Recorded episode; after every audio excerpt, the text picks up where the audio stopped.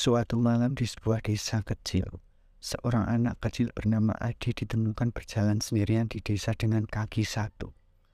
Warga desa yang melihatnya heran dan bertanya-tanya apa yang terjadi pada Adi.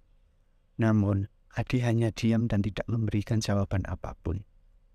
Sejak saat itu, muncul cerita misterius tentang Adi yang sering berkeliaran di sekitar desa di malam hari dengan kaki satu dan tidak diketahui keberadaannya di siang hari orang-orang di desa mulai takut dan curiga bahwa Adi telah dirasuki oleh roh jahat. Suatu malam, ketika seorang warga desa bernama Budi pulang larut malam dari kerja, ia melihat Adi sedang duduk di tepi jalan. Budi menghampiri Adi dan bertanya kepadanya, apa yang terjadi pada kakinya. Namun, Adi hanya tersenyum kepadanya dan menghilang dalam kegelapan. Keesokan harinya, Budi sakit parah dan menderita kejang-kejang.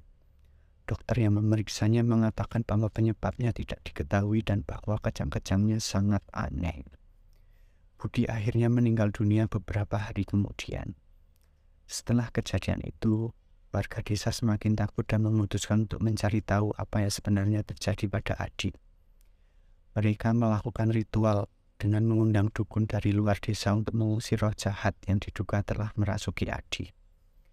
Namun, ketika ritual berlangsung, mereka menemukan fakta yang mengejutkan. Adi sebenarnya adalah anak yang dilahirkan dengan kaki satu. Namun, karena orang tuanya malu, mereka memutuskan menyembunyikan Adi di dalam rumah dan tidak pernah membiarkannya keluar.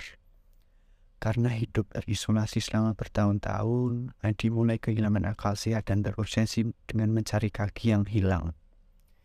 Ia kemudian melarikan diri dari rumah dan berkeliaran di malam hari mencari kakinya yang hilang. Setelah kebenaran terungkap, warga desa merasa menyesal karena telah memperlakukan Adi dengan buruk dan memutuskan untuk menghormatinya dengan mengadakan upacara pemakaman yang layak untuknya. Namun, cerita misterius tentang Adi dengan kaki satu yang dikenal warga selama bertahun-tahun